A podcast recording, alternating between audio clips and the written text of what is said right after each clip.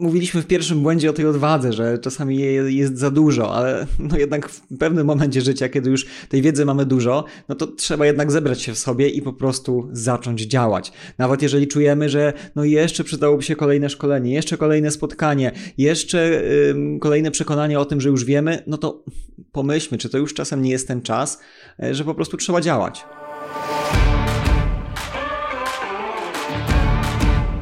Słuchasz podcastu Inwestowanie w mieszkania. Odcinek szósty. Z tej strony Kasia Gorzędowska i Remiarz Gorzędowski. W tym odcinku podzielimy się z Wami naszymi obserwacjami na temat błędów, które można popełnić inwestując w nieruchomości. Temat ten jest bardzo szeroki i dotyczy zarówno osób początkujących, jak i doświadczonych inwestorów. Popełnianie błędów jest rzeczą ludzką, ale mam nadzieję, że z naszym podcastem będziesz mógł nauczyć się na cudzych błędach i dzięki temu ochronisz swój kapitał i swój czas. Notatki, linki i wszystkie materiały znajdziesz na stronie inwestowaniewmieszkanie.pl.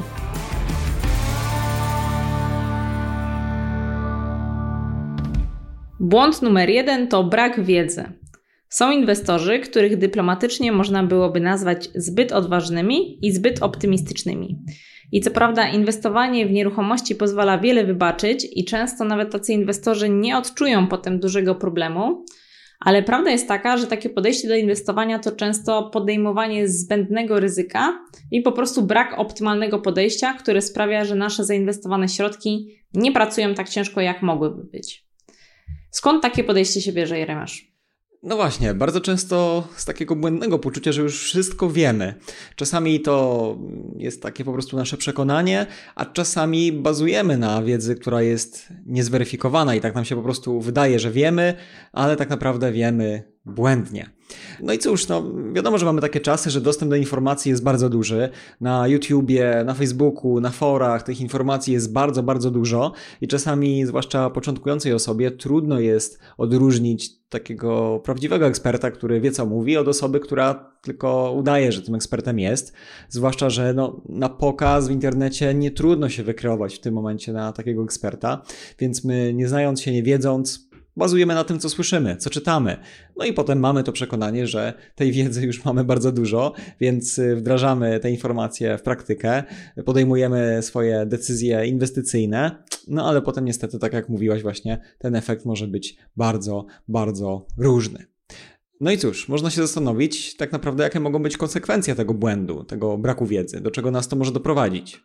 Po pierwsze, to będzie utrata pieniędzy i narażanie się na dodatkowe koszty, to oczywiste, ale też jeżeli nie wykorzystamy potencjału mieszkania, to tak naprawdę te środki nie pracują tak jak powinny, czyli inwestujemy, natomiast tak naprawdę moglibyśmy lepiej to zrobić. Mamy tutaj zdecydowanie utracone korzyści. Benjamin Franklin kiedyś powiedział: Inwestycja w wiedzę przynosi największe zyski, także warto się do tego inwestowania odpowiednio przygotować. Tym samym przechodzimy do błędu numer dwa, bo błąd numer dwa to takie przeciwieństwo tego pierwszego błędu, o którym teraz rozmawialiśmy. Błąd numer dwa to zbyt dużo nauki, a za mało działania. Na pierwszy rzut oka może się wydawać, że to nawet dobrze, że ktoś nie działa, jeśli czuje, że wie jeszcze za mało, ale tak naprawdę znamy osoby, które przez lata chodzą na kolejne szkolenia, kolejne networkingi nieruchomościowe i cały czas odkładają tę decyzję o rozpoczęciu swojej pierwszej inwestycji. No właśnie, jak poradzić sobie z takim błędem? No, mówiliśmy w pierwszym błędzie o tej odwadze, że czasami jej jest za dużo, ale no jednak w pewnym momencie życia, kiedy już tej wiedzy mamy dużo, no to trzeba jednak zebrać się w sobie i po prostu zacząć działać. Nawet jeżeli czujemy, że no jeszcze przydałoby się kolejne szkolenie, jeszcze kolejne spotkanie, jeszcze yy, kolejne przekonanie o tym, że już wiemy, no to pomyślmy, czy to już czasem nie jest ten czas, yy, że po prostu trzeba działać. Można sobie jeszcze poradzić też w ten sposób z tym, żeby znaleźć osobę, która będzie takim trochę naszym mentorem albo po prostu mentorem, chociaż to słowo mentor to często kojarzy nam się z taką osobą, która już po prostu zjadła na czymś zęby, już ma tyle doświadczenia za sobą, że yy, no po prostu tylko na tym się zna, ale niech to będzie nawet taki mentor po prostu, który no, w naszej ocenie będzie tym mentorem, czyli zrobił już trochę, ma już kilka inwestycji za sobą, to nie jest tak, że on całe, całe lata inwestuje, tylko po prostu już rzeczywiście ma swoje doświadczenia. Niech taka osoba będzie naszym wsparciem. Weźmy ją na y, te spotkania nieruchomościowe y, już w terenie, tak? Czyli chcemy obejrzeć jedną, drugą, trzecią nieruchomość, czy to na flipa, czy to na wynajem niech taka osoba pójdzie z nami, niech powie nam, jakie jest jej zdanie, co ona uważa, czy ona by tą nieruchomość kupiła, czy nie, żebyśmy właśnie nabrali takiego większego rozpędu e, i żebyśmy czuli, że no dobra, to, to my już tą decyzję teraz jesteśmy w stanie podjąć. Co ważne, ten błąd występuje zazwyczaj tylko jak zaczynamy, czyli jak już się rozkręcimy, jak już lecimy dalej, to ten błąd nie będzie się powtarzał, więc to pierwsze przełamanie musi nastąpić, a potem e, rzeczywiście jak już zaczniemy działać, no to jest duża szansa, że każde kolejne mieszkanie e, przyjdzie nam łatwiej, żebyśmy taką decyzję podjęli i rzeczywiście takie działania potem będziemy już podejmować. W książce 30 modeli mentalnych Petera Hollinsa jest taki model mentalny numer 5, który mówi, żeby trzymać się zasady 40-70. Co to znaczy? Według autorów trzeba mieć nie mniej niż 40% wiedzy na dany temat, ale nie więcej niż 70%. Ja akurat przy nieruchomościach nie trzymałabym się tego 40%, bo to uważam, że jest zbyt mało, ale te okolice 70% wiedzy, którą y, powinniśmy posiadać y, do działania, będzie wystarczająca. Tak jest. Tak jak mówiliśmy, nieruchomości wiele wybaczają, więc nawet nieposiadanie tych 30% to już jest całkiem, całkiem dobrze. No i też dlaczego o tym błędzie mówimy, bo on co prawda nie doprowadzi nas do takiej bezpośredniej straty finansowej, no bo to nie jest taki typowy błąd, który możemy zrobić, który będzie nas kosztował jakby coś wymiernego, ale po pierwsze, jeżeli mówimy o utraconych korzyściach, no to tak, to taki błąd będzie nas właśnie kosztował te utracone korzyści, których nie będziemy zarabiali na nieruchomościach. No, a dwa, tracimy czas tak naprawdę, czyli myślimy o tych nieruchomościach, szkolimy się, pokładamy energię w to, żeby iść na te kolejne szkolenia, te kolejne spotkania, a nie konwertuje to nam w rzeczywiście zarabianie na nieruchomościach, więc no, tego straconego czasu można powiedzieć, że nigdy nie odrobimy. To jest taki zasób, y, który nam się nie odnawia, więc warto o tym myśleć i jednak jak już część tej wiedzy mamy, to po prostu, żeby zacząć działać. Mhm. Czyli te 70% informacji to już jest wystarczająca liczba danych, żeby iść naprzód. Błąd numer 3 wieczne szukanie okazji. Jeremiasz, jak to jest z tymi okazjami? Tak, no ten błąd będzie dawał podobny efekt do poprzedniego błędu, który omawialiśmy, czyli będzie sprawiał, że wciąż wstrzymujemy się przed inwestowaniem, ale mm, ten błąd będzie dotyczył już zarówno początkujących, jak i doświadczonych inwestorów, tylko w różnych sytuacjach. I jest on związany z mitem idealnej nieruchomości, o którym mówiliśmy w pierwszym odcinku tego podcastu. Szukamy tego idealnego mieszkania, najlepiej na pierwszym piętrze, z balkonem, dobrym widokiem z okna, odpowiednim metrażem względem ilości pokoi a na dodatek w rewelacyjnej cenie. I tak naprawdę nie znajdujemy tej idealnej nieruchomości i szukamy cały czas. Mhm. Tak, szukamy cały czas, a w przypadku też osób początkujących, yy, no właśnie, oprócz stawiania sobie tych wygórowanych yy, celów, czy tego ide mitu idealnej nieruchomości, no to też często w przypadku osób początkujących wynika z tego, że nie stawiamy sobie tak naprawdę w ogóle modelu tej idealnej nieruchomości, nie stawiamy sobie w ogóle celu, nie mamy kryteriów, czyli tak naprawdę nie do końca wiemy do czego dążymy, czyli cały czas szukamy okazji, okazji, okazji, bo właśnie, bo nie mamy wizji tej okazji, nie wiemy co to do końca jest. Czy ta idealna nieruchomość, ta idealna okazja, to dlatego, że rentowność jest dobra z wynajmu, czy dlatego, że zarobimy minimum, nie wiem, 50 czy 100 tysięcy na flipie, czy dlatego, że to będzie rewelacyjna lokalizacja, czy może to będzie ten rodzaj budynku, w który y, chcemy inwestować. Jakby nie wiemy, jakie jest to kryterium, więc no nie jesteśmy w stanie powiedzieć sobie tak, to już jest ta idealna nieruchomość, bo spełnia nasze kryteria idealnej nieruchomości, bo pamiętajmy, że każdy z nas te kryteria będzie miał inne. Dla jednego będzie właśnie bardziej ważna ta lokalizacja, dla innego, żeby to były tylko piękne budynki z piękną elewacją, a dla kogoś innego w ogóle ta elewacja wcale nie będzie istotna, bo będzie ważne, żeby świetnie się ta nieruchomość wynajmowała, a najemcy niekoniecznie będą na to zwracali uwagę, bo inne aspekty będą dla nich ważne. Więc no, te kryteria są szalenie istotnie, żeby je mieć. Jeżeli ich nie mamy, no to rzeczywiście będziemy wpadali w ten błąd wiecznego szukania tej idealnej nieruchomości. Cały czas nie będziemy w stanie jej mieć. A jak to działa w przypadku osób, które są już zaawansowane, Kasia? Tak, takie osoby, które miały przerwę w inwestowaniu, czyli już coś kiedyś robiły, ale z jakiegoś powodu wypadły z tego rynku, mogą mieć taki problem przestawienia się na nowe warunki rynkowe.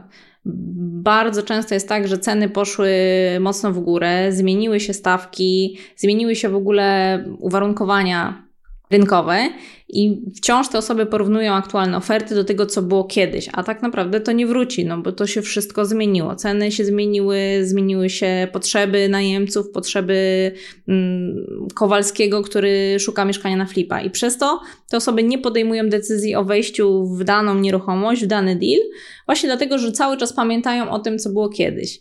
Jak my zaczynaliśmy, pamiętam, że nieruchomości w Łodzi kupowaliśmy zdecydowanie poniżej 3000 zł za metr, a nawet poniżej 2000 zł za metr. teatro.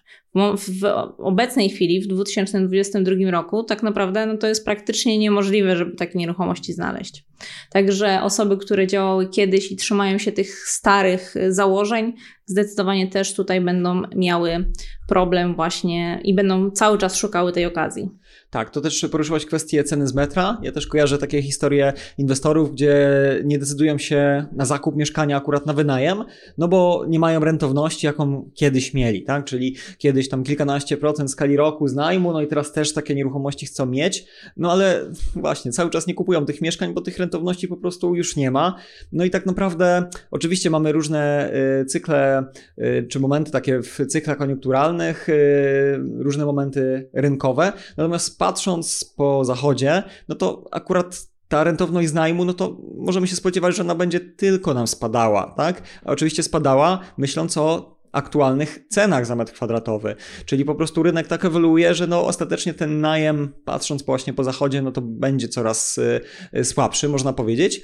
Ale z drugiej strony, czy to jest powód, żeby teraz nie kupować nieruchomości? No absolutnie nie, bo jeżeli ja za rok, dwa, trzy, cztery będę sobie sprawdzał rentowność z najmu, ale względem ceny zakupu z dziś, no to okaże się, że nawet za 5 lat rentowność będę miał gigantyczną, ale właśnie tylko dzięki temu, że już dzisiaj kupię tą nieruchomość na wynajem, a nie za kilka lat, kiedy ta nieruchomość będzie dużo droższa e, statystycznie, a najem też oczywiście będzie wtedy relatywnie droższy, więc no myślę, że nie ma co czekać, tylko w przypadku nieruchomości rzeczywiście świetnym momentem na kupienie nieruchomości jest tu i teraz, bo jeżeli mówimy o najmie, no to rzeczywiście perspektywa tego, że będziemy tą rentowność z najmu mieli coraz lepszą e, w porównaniu do aktualnych stawek, e, czyli tych, za których wcześniej kupowaliśmy sobie te nieruchomości, no to jest bardzo, bardzo duża.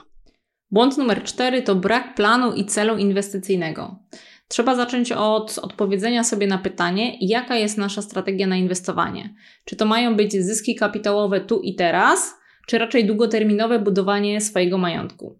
Jeśli tego nie mamy, to tak naprawdę często patrzymy na mieszkania przez pryzmat tego, czy jest tanio lub drogo, tak jak właśnie rozmawialiśmy przed chwilą o cenie z metra kwadratowego.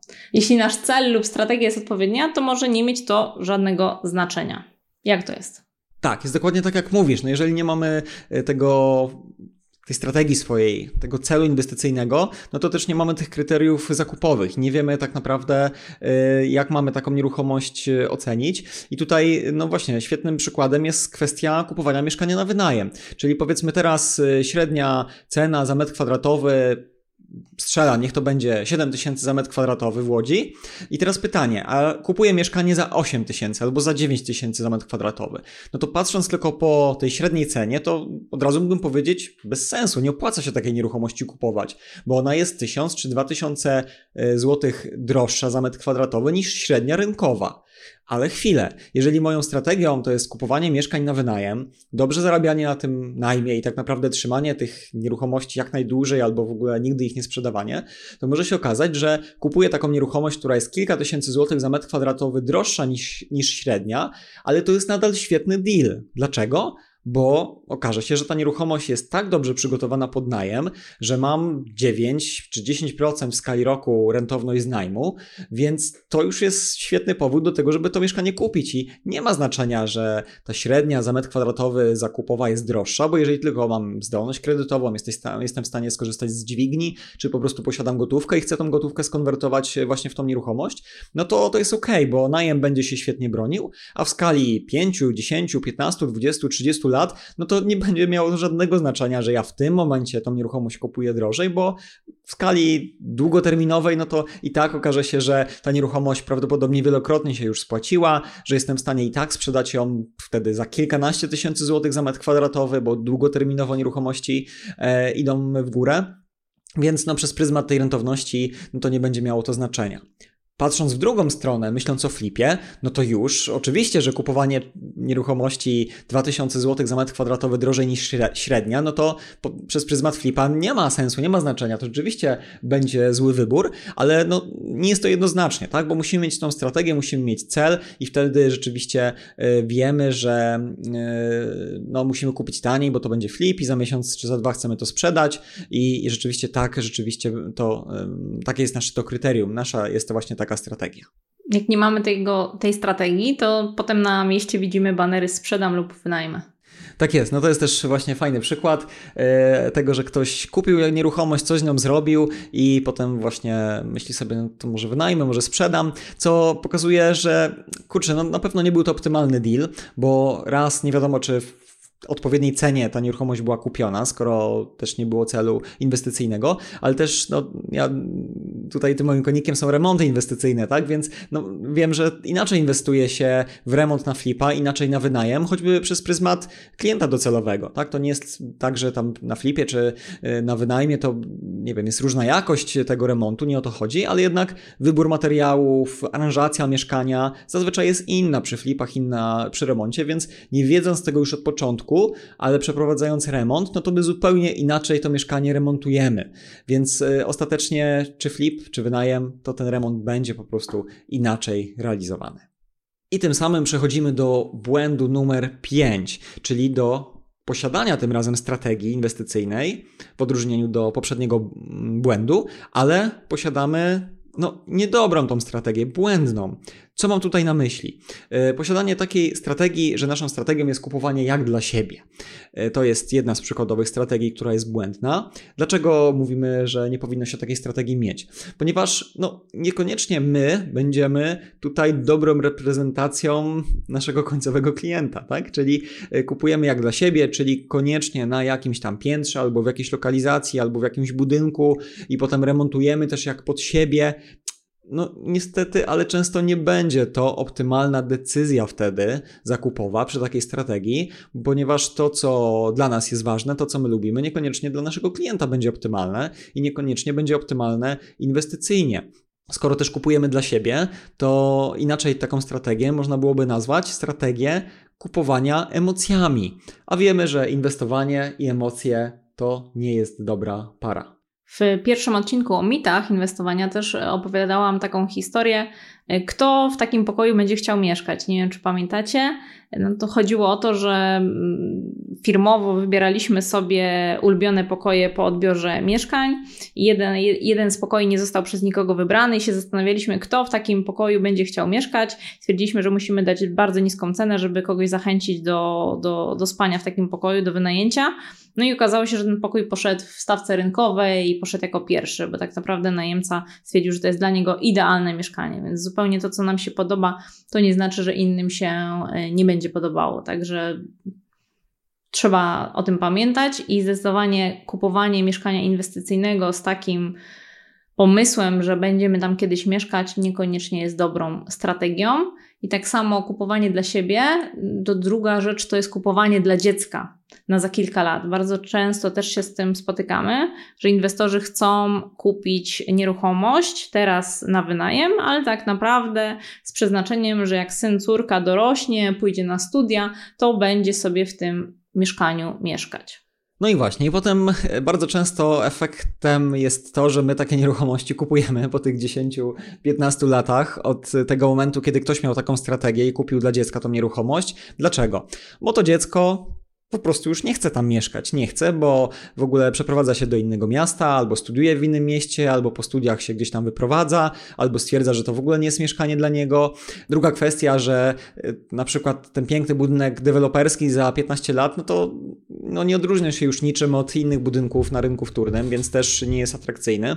Więc takie myślenie, że kupię tak w tym konkretnym budynku, bo na pewno moje dziecko będzie chciało mieszkać, może nie być dobrą strategią, ponieważ no, inwestycyjnie nie zarabiamy optymalnie, a potem i tak to mieszkanie nie jest dla dziecka, to dziecko i tak w nim nie mieszka bardzo często, więc no, nie warto przez pryzmat takiej strategii yy, właśnie podejmować decyzji zakupowych. Czyli no, tak jak mówiliśmy w poprzednim błędzie, nieposiadanie w ogóle strategii jest błędem, bo nie mamy tych kryteriów dzięki tej strategii, które nam posłużą do podjęcia decyzji, czy coś kupujemy, czy nie, ale posiadanie strategii, jak już ją mamy, też może być błędem, no bo musimy przemyśleć, czy to jest rzeczywiście dobra strategia, czy ona nie jest związana z emocjami, nie jest związana e, z chęcią zapewnienia, no nie wiem, naszym bliskim atrakcyjnej nieruchomości, Mówimy o inwestowaniu, tak, a nie o spełnianiu własnych potrzeb mieszkaniowych, więc to są dwie różne rzeczy. Nie wiem, Jeremiasz, czy pamiętasz, ale a propos dla dziecka, to jak szukaliśmy domu dla siebie, to y, oglądaliśmy nieruchomość, która została wybudowana dla dzieci. To był bliźniak i pan wybudował ten dom. Y, lewa część miała być dla córki, prawa miała być dla syna. No i efekt był taki, że pan miał duże problemy z wynajęciem, bo to były dość spore y, domy w dobrej lokalizacji. Cena, którą chciał uzyskać z najmu była zaporowa. Natomiast no, dzieci w ogóle nie miały ochoty tam mieszkać. Córka wyjechała za granicę, a syn, z tego co pamiętam, był pokłócony. Mhm. Także tutaj zdecydowanie ta kupowanie dla dziecka, czy budowanie w tym wypadku dla dziecka, to nie jest dobra strategia. Tak, no i też y, od razu przypomniałaś mi kwestię oczywiście remontową, na którą ja zwracałem uwagę, że te mieszkania, y, właściwie te połówki bliźniaka, były już wykończone pod dzieci, a że ta osoba była wtedy, pewnie teraz też, bardzo zasobna, no to rzeczywiście y, remontowała, wykańczała te połówki bliźniaka w elementach z najwyższej półki. Bardzo drogo. Przy czym to było 20 lat temu, czyli jak my oglądaliśmy te domy, które już były 20-letnie, no to było widać, że one były robione z przepychem, ale jednak 20 lat wcześniej, czyli no na ten moment to najchętniej skułbym wszystkie płytki, powymieniał wszystkie oświetlenia, y, powymieniał włączniki z żalem, bo widać, że po prostu były to no, bardzo drogie rzeczy, ale kiedyś, a teraz no to tak naprawdę co z tego, że kiedyś były drogie, jak teraz wyglądały po prostu niemodnie, nieatrakcyjnie, no i, no i co z tego. Błąd numer 6 to brak pełnej weryfikacji stanu technicznego i prawnego nieruchomości. Są dwa powody. Pierwszy wynika z braku wiedzy. Nie wiemy, co sprawdzić. Jest taka historia, którą być może już słyszałeś albo czytałeś u nas. E, na jednym ze spotkań nieruchomościowych e, przyszedł inwestor, który pochwalił się, że kupił mieszkanie. Z rozmowy wyniknęło, że to było mieszkanie, które my też z Jeremiaszem oglądaliśmy kilka dni wcześniej. No i pytamy się go, jak to się stało, że tak szybko dostał opinię kominiarską, e, w jaki sposób uzyskał wszystkie informacje od wspólnoty mieszkaniowej, bo my próbowaliśmy uzyskać te dokumenty szybko, ale no, trzeba było czekać kilka dni. E, wspólnota też nie była chętna tutaj do, do współpracy. Natomiast on mówi, że nie wiedział tak naprawdę, że trzeba i dopytywał nas, dlaczego, dlaczego miałby te dokumenty zdobyć. Okazało się, że nie wiedział, że w mieszkaniu, które kupił, nie ma ogrzewania, że być może nie ma kominów, które umożliwią podłączenie ogrzewania gazowego. Nie uzyskał też opinii od konstruktora dotyczących potencjalnych zmian w mieszkaniu. Nie wiedział, słuchajcie, nawet jaki będzie czynsz płacił. Także tutaj zdecydowanie no, prawie nic nie sprawdził. Natomiast no, miał poczucie, że kupił naprawdę świetne mieszkanie w świetnej lokalizacji w dobrej cenie. Natomiast jak to się potem skończyło, no to już nie będę opowiadać. Tak, no właśnie, najpierw już taka właśnie wychodzi ten inny błąd, czy złapał się na ten inny błąd, o którym mówiliśmy, czyli wyglądało, że cena z metra jest niska, więc na pewno się wszystko uda. Na brak e, tej pełnej weryfikacji, czyli popełnienie kolejnego błędu, tego, o którym teraz powiedziałaś, sprawiło, że ta mm, inwestycja jeszcze gorzej poszła. Natomiast e, no nie tylko wynika to czasami z braku wiedzy, ale ten szósty błąd popełniamy, czyli nie weryfikujemy tego stanu, z drugiego powodu czasami, czyli z takiego, że no, sprzedający zrobił na nas bardzo dobre wrażenie i po prostu w pełni już pokładamy wiarę w te słowa tego naszego sprzedającego, który mówi, że spokojnie, da się tu zrobić ogrzewanie gazowe, spokojnie, da się wybić otwór drzwiowy, wszystko to można zrobić, będzie pan zadowolony. No i no, stwierdzamy, że okej, okay, no przecież tutaj taki sympatyczny sprzedający, więc na pewno y, możemy w pełni tutaj to wszystko uwierzyć i rzeczywiście taką nieruchomość kupić. No, niestety, ale no zdarza się, że nawet sprzedający ma dobre intencje, tak? Bo on też tam dowiedział się od kogoś, że to ogrzewanie można zrobić, że ścianę można wyburzyć, że i tak dalej, i tak dalej. Czyli to nie jest tak, że ten sprzedający e, chce nas oszukać, tylko po prostu posiada niepełne informacje. Bazujmy więc na konkretach, bazujmy więc na dokumentach, które nam potwierdzą te elementy, które pozwolą nam zweryfikować ten stan techniczny i prawny, czyli oczywiście sprawdźmy na pewno księgę wieczystą, upewnijmy się, że podpisujemy z właścicielem rzeczywiście nieruchomości umowę przedstępną, sprawdźmy tą rozpiskę czynszową, sprawdźmy kwestię y, mocy przełączeniowej czy też wentylacji, jakie jest ogrzewanie, sprawdźmy z konstruktorem, jaka jest dana ściana, czy nośna, czy działowa, jeżeli chcemy ją wyburzyć, czyli no poweryfikujmy te wszystkie elementy, bo jeżeli ich po prostu nie zweryfikujemy, to popełnimy ten błąd numer szósty, a może nas to sporo kosztować w przyszłości, e, ponieważ no, niemożność wykonania tych pewnych elementów może sprawić, że nie zrealizujemy po prostu swojej strategii inwestycyjnej, czyli nie będziemy w stanie zrobić odpowiedniej ilości pokoi na wynajem, czy nie będziemy w stanie tam zrobić tych teraz popularnych mikrokawalerek, czy nie będziemy w stanie po prostu zupełnie e, zmienić układu tego mieszkania, co no, będzie niekorzystne dla nas i może się okazać, że wydaje nam się, że kupujemy atrakcyjne mieszkanie e, pod kątem ceny za metr kwadratowy, no ale niestety nie, bo nie będziemy w stanie zrealizować tego naszego pomysłu inwestycyjnego, bo tej weryfikacji nie zrobiliśmy.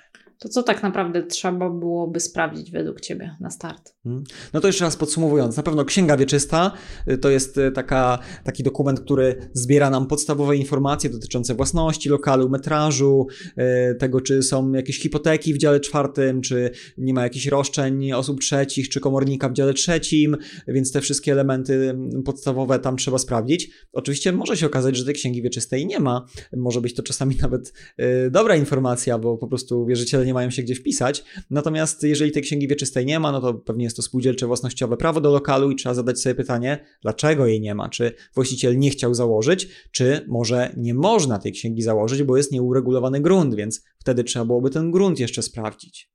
Obok kwestii formalnych, w których zresztą powinien pomóc nam notariusz, więc jak nie czujemy się w tym biegli, to warto byłoby podpisać umowę przedstępną nie w formie cywilnoprawnej, tylko u notariusza, żeby ten notariusz za nas tak naprawdę ten stan prawny sprawdził. No i oprócz tego warto też oczywiście sprawdzić wszelkie kwestie techniczne, czyli ta moc przyłączeniowa, wentylacja, kwestia rodzaju ogrzewania, kwestia okien, ogólnego stanu technicznego, yy, ścian działowych versus nośnych, yy, no te wszystkie elementy, które pozwalają pozwolą nam potem e, tak naprawdę sprawnie wyremontować to mieszkanie, czy przygotować do wynajmu. Myślę, że te kwestie będą najbardziej istotne, żebyśmy to sobie posprawdzali, żeby nie wejść na przysłowiową minę. Błąd numer 7 to brak odpowiednich kalkulacji finansowych. Mówiliśmy już o kupowaniu emocjami. Oczywiście doświadczony inwestor będzie mógł liczyć na to, co mu podpowiada intuicja, ale ostatecznie tak naprawdę każdy zakup powinien być podparty solidnymi wliczeniami. Tak, oczywiście y, warto skorzystać po prostu z odpowiedniego Excela, z odpowiedniej tabelki, która y, zbierze nam wszystkie informacje razem w jedno miejsce i pomoże nam dokonać odpowiednich wyliczeń, które dadzą nam odpowiedź na pytanie, czy ta rentowność jest dobra, czy y, ten najem będzie odpowiednio dawał nam takie przychody, które pozwolą nam dobrze zarabiać, czy na flipie odpowiednio dużo zarobimy. No ale właśnie, tabelka to są pewne dane, więc musimy też odpowiedzieć sobie na pytanie, skąd my te dane bierzemy. Czy z głowy, czyli z niczego, czy też z twardych danych statystycznych, czy y, z jakichś zestawień, z raportów, czy z własnego doświadczenia. Czyli pamiętajmy, że no tutaj tych danych, które wpisujemy do tabelki jest sporo. No i takim błędem może być też zbyt prosta tabelka, więc pytanie, jakie dane powinniśmy w tej tabelce zgromadzić, żeby odpowiedzieć sobie w pełni na pytanie, czy to jest dobry deal. Tak, tabelka to nie wszystko musimy wpisywać odpowiednie dane i odpowiednią ilość tych danych. Na pewno trzeba wpisać oprócz ceny zakupu koszty około zakupowe, notariusza, PCC. Pytanie, czy w tabelce wziąłeś też pod uwagę utrzymanie mieszkania, w tym czynsz media w trakcie trwania tej transakcji. Czy to flip, czy przygotowanie mieszkania do wynajmu. Ileś będzie trwał remont, więc trzeba to również wziąć pod uwagę. Co w przypadku kredytowania? Co z Twoją ratą kredytową? Co z potencjalnie rosnącą ratą kredytową? Czy to też uwzględniłeś? E, kolejna rzecz to, czy koszty remontu są realne i czym podparte są Twoje wyliczenia. Tutaj Ty, Jeremiasz, tak naprawdę powiedziałbyś na pewno więcej na ten temat. Co z tymi kosztami remontu? Jak, jak je szacować? Tak, no właśnie, no to zwłaszcza dla początkujących inwestorów jest duże wyzwanie jednocześnie pole do popełnienia błędu, czyli te koszty remontowe. Y, nie wiedząc, nie mając własnych doświadczeń, no to szukamy tych informacji w internecie najczęściej i wtedy pada tam jakaś informacja, że aktualnie możemy wyremontować za 1200 czy 1500 zł za metr kwadratowy. No i bierzemy do swoich kalkulacji taką kwotę, no bo ją poznaliśmy. Ale no, w inwestowaniu i remontowaniu mm, niestety musimy wziąć pod uwagę, że ten właśnie cel inwestycyjny będzie bardzo różny, czyli teraz jeżeli remontujemy mieszkanie w deweloperce, czyli jakby w budynku, który dopiero zostaje oddany do użytku pierwszy raz, no to zupełnie inne będą koszty remontowe, czy bardziej wykończenia tego mieszkania, a zupełnie inne będą koszty remontowe w kamienicy, gdzie mamy dużo wyższe pomieszczenia, gdzie mamy zupełnie inny stan techniczny, inne ogrzewanie, więc te koszty będą inne. To raz. Dwa, pytanie, czy po prostu zmieniamy układ, czy nie, czy to będzie flip, ale e, w takim układzie mieszkania, jaki kupujemy, czy też będziemy go zupełnie zmieniali, a może będzie to remont w ogóle mieszkania na wynajem na pokoje albo na mikrokawalerki, gdzie będzie po kilka łazienek, kilka kuchni i wtedy może się okazać, że te 1500 zł to musimy razy dwa wziąć albo nawet jeszcze więcej i remont wyjdzie na ponad 3000 zł za metr kwadratowy, więc no musimy naprawdę tutaj no nie bazować na pojedynczej informacji gdzieś z Facebooka, z YouTube'a, z forum, tylko rzetelnie podejść do tej wyceny remontowej, mieć rzut y, docelowy, najlepiej wyceny z ekipami remontowymi, dobrego Excela z y, listą wyposażenia, żeby rzetelnie rzeczywiście móc sobie ten, te koszty remontu zaplanować. Czyli jak już znamy te koszty remontu, to kolejna rzecz, którą powinniśmy uwzględnić w tabelce, to jest tak naprawdę czas y, transakcji. Czy ten czas transakcji, który sobie zakładamy, jest realny? Musimy też wziąć pod uwagę, że mogą się zdarzyć nieprzewidziane wypadki. Mogą być takie rzeczy, jak na przykład teraz wiemy, pandemia czy wojna, które zdecydowanie opóźniły inwestycje, ale też mogą być takie sprawy, jak na przykład uciekająca ekipa remontowa albo problem ze znalezieniem ekipy remontowej, a może na przykład Twoje wakacje. Więc to też trzeba wziąć pod uwagę, czy ten czas, w którym chcemy dokonać tego flipa, czy przygotować mieszkanie do najmu jest realny. Tak, jeśli jesteśmy przy flipie, to co z ceną sprzedaży? Czy ta cena sprzedaży jest realna i skąd ją bierzemy? Czy takie mieszkania się w danych cenach już sprzedają? Czy rzeczoznawcy tak wyceniają te mieszkania? Czy inwestorzy chcą kupować takie mieszkania w takich cenach, które, które planujesz? Czy będziesz tutaj pionierem i sprzedasz najdroższą nieruchomość w w swojej miejscowości, czy być może będziesz sprzedawał średniorynkowe, w średniorynkowych cenach. I tak naprawdę, jeżeli wynajmujesz, to co z czynszami najmu, które uwzględniasz w tabelce? Czy one są realne? Czy one są, czy nie są za wysokie? Oczywiście wiemy, że wyremontujemy super mieszkanie, mamy je w fajnej lokalizacji, ale czy najemcy będą chcieli za te wszystkie rzeczy, które tam uwzględnimy przy remoncie zapłacić? Tak, jak już mówimy o tabelce i zadajemy sobie pytanie, czy wpisaliśmy dobre wartości, czy wszystkie uwzględniliśmy, to jeszcze jest jeden element, który, o którym bardzo często zapominamy i który nie pojawia się w tabelkach, mianowicie koszty finansowania. Musimy zadać sobie na takie pytanie, czy to są nasze własne środki, czy pożyczone. Jeżeli są pożyczone, no to czy uwzględniamy te odsetki, te koszty finansowania, a jeżeli nawet są to nasze środki, to ten błąd jeszcze częściej się pojawia, że nie bierzemy pod uwagę, że mogliśmy jakoś alternatywnie zainwestować te środki. Czyli tak naprawdę powinniśmy też jakiś koszt policzyć nawet naszego własnego kapitału, jako takie utracone korzyści z tej innej inwestycji i porównać, zobaczyć, czy ten flip, który zrobiliśmy w rok, to rzeczywiście na nim zarobiliśmy 20 tysięcy, czy może raptem tylko 5, ponieważ te kilkaset tysięcy mogliśmy wrzucić gdzieś w coś innego, alternatywnego, łatwo dostępnego, na czym byśmy przez ten rok i tak zarobili, a w ogóle byśmy nie włożyli swojej pracy, tak? swoich godzin, roboczo godzin własnych, można powiedzieć, które też powinniśmy do tego mm, wliczyć. Więc no, warto też y, kwestię y, tego finansowania wziąć pod uwagę. Jak już mamy tak naprawdę te wszystkie elementy zebrane, rzetelnie policzone, to pytanie, czy my skończymy tą inwestycję swoją właśnie z tym wynikiem finansowym, który wyszedł nam w tabelce, no pewnie nie, bo to jest tylko jakiś model. A skoro model, no to załóżmy też różne warianty całej tej tabelki. Wersję optymistyczną, realistyczną, pesymistyczną. Sprawdźmy co, jak nam się wydłuży czas inwestycji, co jeżeli koszty remontowe będą większe, co jeżeli sprzedamy drożej albo taniej. Czyli nie dosyć, że mamy tutaj no właśnie różne elementy, które musimy zawrzeć w tabelce i musimy, musimy się upewnić na ile one są prawdziwe, no to jeszcze sprawdźmy, a co jeśli, a co jeśli jednak te pewne parametry nam się pozmieniają i na tej podstawie dopiero warto podjąć decyzję, czy w daną transakcję wchodzimy, czy nie. Mm, no bo nie robiąc tego, no to rzeczywiście tak naprawdę można powiedzieć, że nie inwestujemy, tylko gramy w ruletkę, czyli po prostu coś kupujemy, wydajemy jakieś pieniądze i może wyjdzie, może nie wyjdzie. To jest wtedy takie tak naprawdę nie inwestowanie, ale spekulowanie. Natomiast jeżeli chcemy inwestować, a nie spekulować, no to rzeczywiście powinniśmy zrobić model, który przedstawi różne scenariusze, będziemy brali różne zakresy kwotowe i dopiero wtedy możemy mówić o prawdziwym inwestowaniu. To ja jeszcze na chwilę chciałam wrócić do tego, co mówiłeś o koszcie utraconych korzyści. E, mówiłeś to w kontekście, że nasze pieniądze mogłyby w tym, w tym czasie gdzieś indziej pracować, ale trzeba też wziąć pod uwagę nasz czas, szczególnie przy flipach. Czy ten czas, który włożymy w tego flipa, będzie odpowiedni do, do tych zysków. I tak naprawdę jest taki jeden wskaźnik. ROI na pewno znacie, inwestorzy, czyli Return on Investment. Natomiast jest jeszcze jeden wskaźnik, który nazywa się ROTI, Return on Time Invested. Także warto wziąć pod uwagę też swój czas poświęcony na daną inwestycję i zobaczyć, czy faktycznie e, będzie miało to sens. Można sobie w ten sposób też porównywać dwie inwestycje, czy, które wydaje nam się, że są podobne, ale być może w jednej z nich na przykład będziemy mieli mniej własnego czasu do zainwestowania, więc tutaj to też jest ważna sprawa.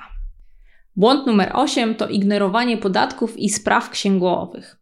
Skrajnie to jest w ogóle nierozliczanie, ale dość często jest tak, że rozliczamy nieodpowiednio. Rozliczamy na przykład prywatnie to, co powinno być już działalnością gospodarczą. Na przykład flipy, podnajem lub najem krótkoterminowy powinien być na dzień dzisiejszy działalnością gospodarczą. A z tego, co obserwuję, to wielu inwestorów jednak stwierdza, że ich to nie dotyczy. Tak, jest to pewnie znowu pokłosie tego, że dużo takich nierzetelnych informacji pojawia się w internecie i niektórzy pseudoinwestorzy, tak mogę ich nazwać, zachęcają do tego, żeby no, taki tam na niewielkiej skali właśnie flipy, czy podnajem, czy najem krótkoterminowy, to to nie, to nie rozliczajmy tego w ramach działalności. No i, i część początkujących inwestorów się na to łapie. Natomiast, no oczywiście, powinniśmy do tego podejść rzetelnie, od razu rozpocząć współpracę z dobrym biurem księgowym, czy doradcą nawet podatkowym, który nas poprowadzi, który e, odpowiednio z nami zaplanuje tą przyszłość naszą inwestycyjną.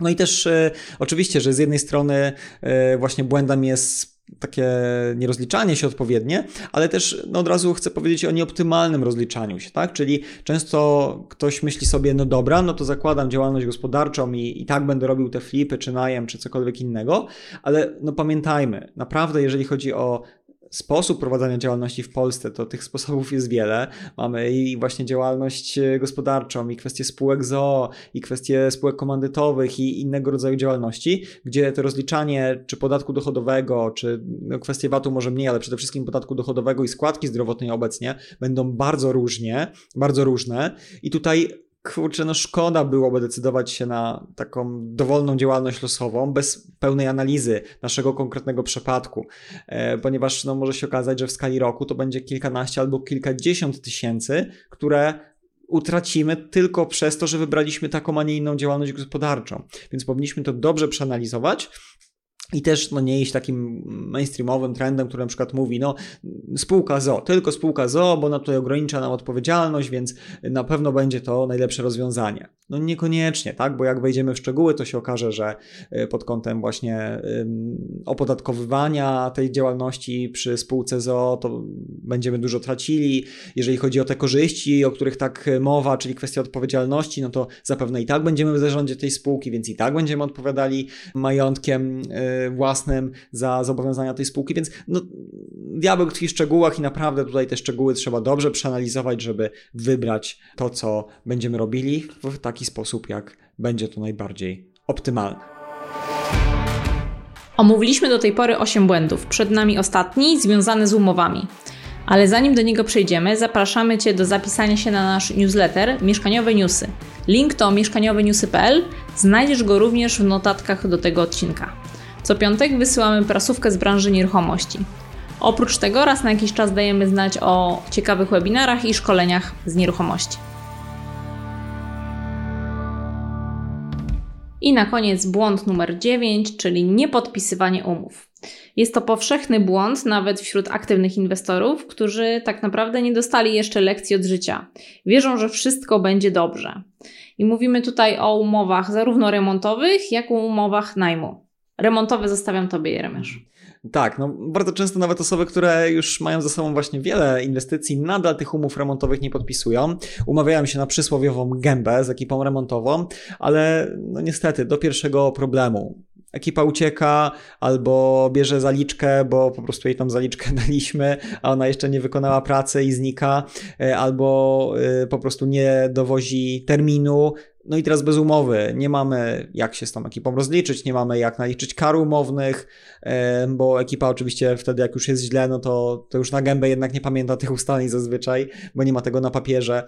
Czy potem jest kwestia y, jakichś wad ukrytych, gdzie mając umowę, no to spokojnie możemy na zasadach rękojmi zwrócić się do ekipy remontowej, a bez tej umowy, no to szukaj wiatru w polu, więc no, warto, warto tą umowę remontową podpisywać zawsze, nawet na małe, mniejsze projekty, mniejsze remonty i nie popełniać tego błędu niepodpisywania tej umowy. Pamiętajmy też, e, dlaczego często nie podpisujemy i wpadamy w ten błąd, ponieważ ekipa nam przekonuje, ale panie, zrobię to panu bez umowy, więc bez faktury, więc będzie taniej. No nie, absolutnie nie zachęcam do tego, bo, bo to nie będzie korzystne właśnie w takim długim terminie, ale też pamiętajmy, że nie mając faktury, no to nie wrzucimy sobie w koszty e, tych elementów, więc też pytanie, czy będzie taniej? No Pewnie nie będzie, tak? Bo raz, że tracimy te korzyści związane z podpisaniem umowy, a dwa, y, księgowo również nie będziemy w stanie sobie tutaj e, wziąć tych kosztów, y, co zwłaszcza przy flipie może być bardzo, bardzo bolesne. Pamiętajmy, że umowy są na złe czasy i warto je podpisywać. Warto podpisywać umowy remontowe, ale również umowy najmu tak jak obserwuję na rynku, to jednak już jest taka tendencja, żeby te umowy najmu podpisywać i coraz więcej właścicieli pilnuje, żeby ta umowa była nawet najprostsza, ale żeby była. Tutaj też warto zwrócić uwagę, żeby była ona odpowiednia i odpowiednio nas zabezpieczała, ale to tak naprawdę jest wątek na zupełnie inny odcinek, na inny podcast. Warto tą umowę zawsze podpisywać, nawet jeżeli chcemy wynająć e, nieruchomość znajomym, albo sobie z polecenia, albo rodzinie, bo tutaj obserwuję, że jednak wtedy osoby, właściciele rezygnują z tej umowy, a taki lokator to również może być potencjalny problem, więc te umowy są na złe czasy, warto je podpisywać i warto podpisywać dobre umowy. Jak mogłeś usłyszeć, obszarów, w których można popełnić błędy, jeśli chodzi o inwestowanie w nieruchomości, jest naprawdę wiele. Pierwszym krokiem, aby takich błędów nie popełnić, jest świadomość ich istnienia. Więc mamy nadzieję, że po wysłuchaniu tego podcastu zainspirujemy Cię do poszerzania swojej wiedzy i dzięki temu Twoje inwestycje będą szły jeszcze lepiej. Notatki do tego odcinka znajdziesz na stronie inwestowaniewmieszkania.pl. To już wszystko na dzisiaj. Subskrybuj nasz podcast w ulubionej aplikacji. Do usłyszenia w kolejnym odcinku. Cześć! Cześć! I Remiasz wyszedł. I Remiasz uciekł ze studia. Gdzie ty byłeś? Nie teraz nie wiem, co mówiłam. No nie widziałem, że sobie świetnie radzisz, więc wyszedłem na chwilę. Zapisanie się na nasz newsletter. Dlaczego mi się tak dzieje. Musisz więcej językiem ćwiczyć. Jeszcze raz. Uhu. Outro drugie. Uhu, Jeremasz się pomylił.